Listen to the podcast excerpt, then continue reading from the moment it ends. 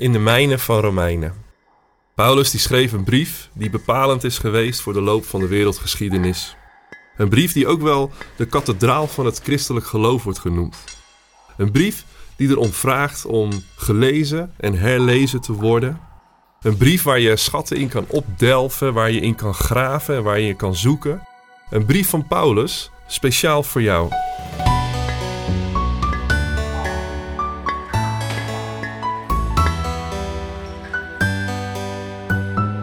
Gaan in deze podcast mijnen in Romeinen.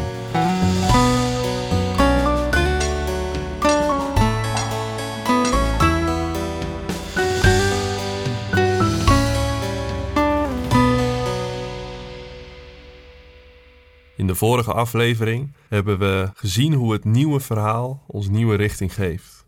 Vandaag pakken we de draad op en lezen we in Romeinen 7 vanaf vers 1 tot 6.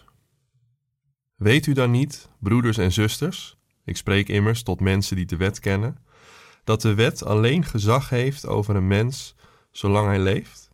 Een getrouwde vrouw is door de wet gebonden aan haar man zolang hij leeft. Maar wanneer hij sterft, is zij van deze verplichting ontslagen. Als ze zich zolang haar man in leven is met iemand anders inlaat, noemt men haar overspelig. Maar sterft haar man, dan is ze niet langer aan de wet gebonden. Dan pleegt ze geen overspel wanneer ze de vrouw van een andere man wordt.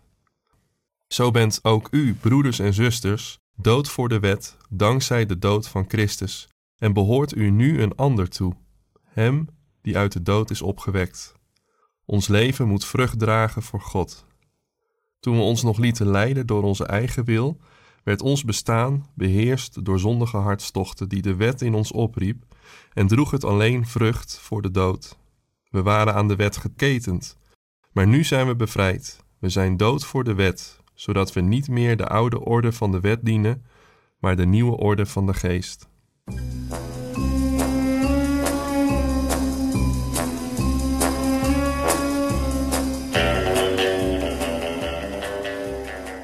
De naam is Bond, James Bond. Al decennia lang beheerst de geheimagent met het nummer 007 het witte doek. Ik weet nog dat ik mijn eerste Bondfilm zag bij mijn zus thuis. Dat moest wel bij mijn zus thuis, aangezien mijn moeder het talent had om op de minder gepaste momenten de huiskamer binnen te komen, wanneer vervolgens de televisie weer de kast in moest. Hoe dan ook, toen ik voor het eerst een James Bond film zag, ging er een wereld voor me open. Hoe een geheim agent diep doordrong in de onderwereld, om daar het recht te laten zegen vieren. En dat meestal op de meest fantastische wijze vorm is te geven. Paulus heeft in de afgelopen hoofdstukken verschillende metaforen gebruikt om het leven voor God of het niet leven voor God te omschrijven.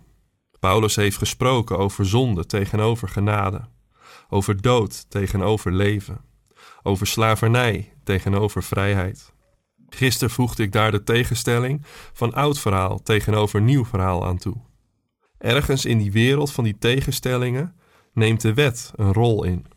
Daarover gaat ons gedeelte van vandaag, dat in feite voortbeduurt op Romeinen hoofdstuk 6, maar dan nader toegespitst op degene die de wet kennen, dat wil zeggen op de Joodse volksgenoten van Paulus. Eerst beschrijft Paulus het bereik van die wet. Die houdt op bij de dood. Aan de hand van het voorbeeld van het huwelijk laat Paulus zien hoe de dood een einde maakt aan elke juridische verantwoordelijkheid. Vervolgens lijkt Paulus in de versen 5 en 6 te suggereren dat de wet thuis hoort in het bereik van de zonde, in plaats van in het bereik van de genade. Dat Paulus de wet koppelt aan de dood, in plaats van aan het leven. Hij spreekt over het geketend zijn aan de wet, waar Paulus eerder sprak over het slaaf zijn van de zonde. Het lijkt wel of Paulus de wet plaatst in het rijtje zonde, dood en slavernij. Maar dat zou vreemd zijn, toch? We hebben Paulus eerder in de brief zich juist heel positief horen uitlaten over de wet. Later zal Paulus dat ook herhalen. De wet, zoals we die in de eerste vijf boeken van de Bijbel vinden, past niet in het rijtje zonde, dood en slavernij. Het zijn woorden van God, vol wijsheid, die ons iets leren over zijn karakter en verlangen. Maar wat bedoelt Paulus dan? Paulus spreekt over de wet als de geheimagent van God. Om te zorgen dat de flamboyante schurken in de James Bond films hun straf niet zouden ontlopen, moest James Bond diep afdalen in de onderwereld waar de schurken actief zijn. Afgedaald in die onderwereld verbond James Bond met zijn license to kill het recht aan de dood van de schurk. Het is de functie die de wet heeft. In het bereik van zonde verbindt de wet dit aan de dood. Als een undercover agent werkt de wet echter in His Majesty's Secret Service. Is de wet de geheim agent van de heilshistorie. Doordat de wet als een geheim agent ons veroordeelde tot de dood, kon Jezus Christus zich met onze dood vereenzelvigen in zijn dood, waardoor we ook met hem konden opstaan in het nieuwe leven. Een leven dat getekend is door de nieuwe orde van de geest. Paulus maakt de plaats van de wet duidelijk voor zijn Joodse geloofsgenoten. Dit blijft een terugkerend thema in deze brief, omdat de onderlinge verschillen groot zijn. Cultureel en religieus lag er een diepe kloof in de samenleving tussen Joden en niet-Joden.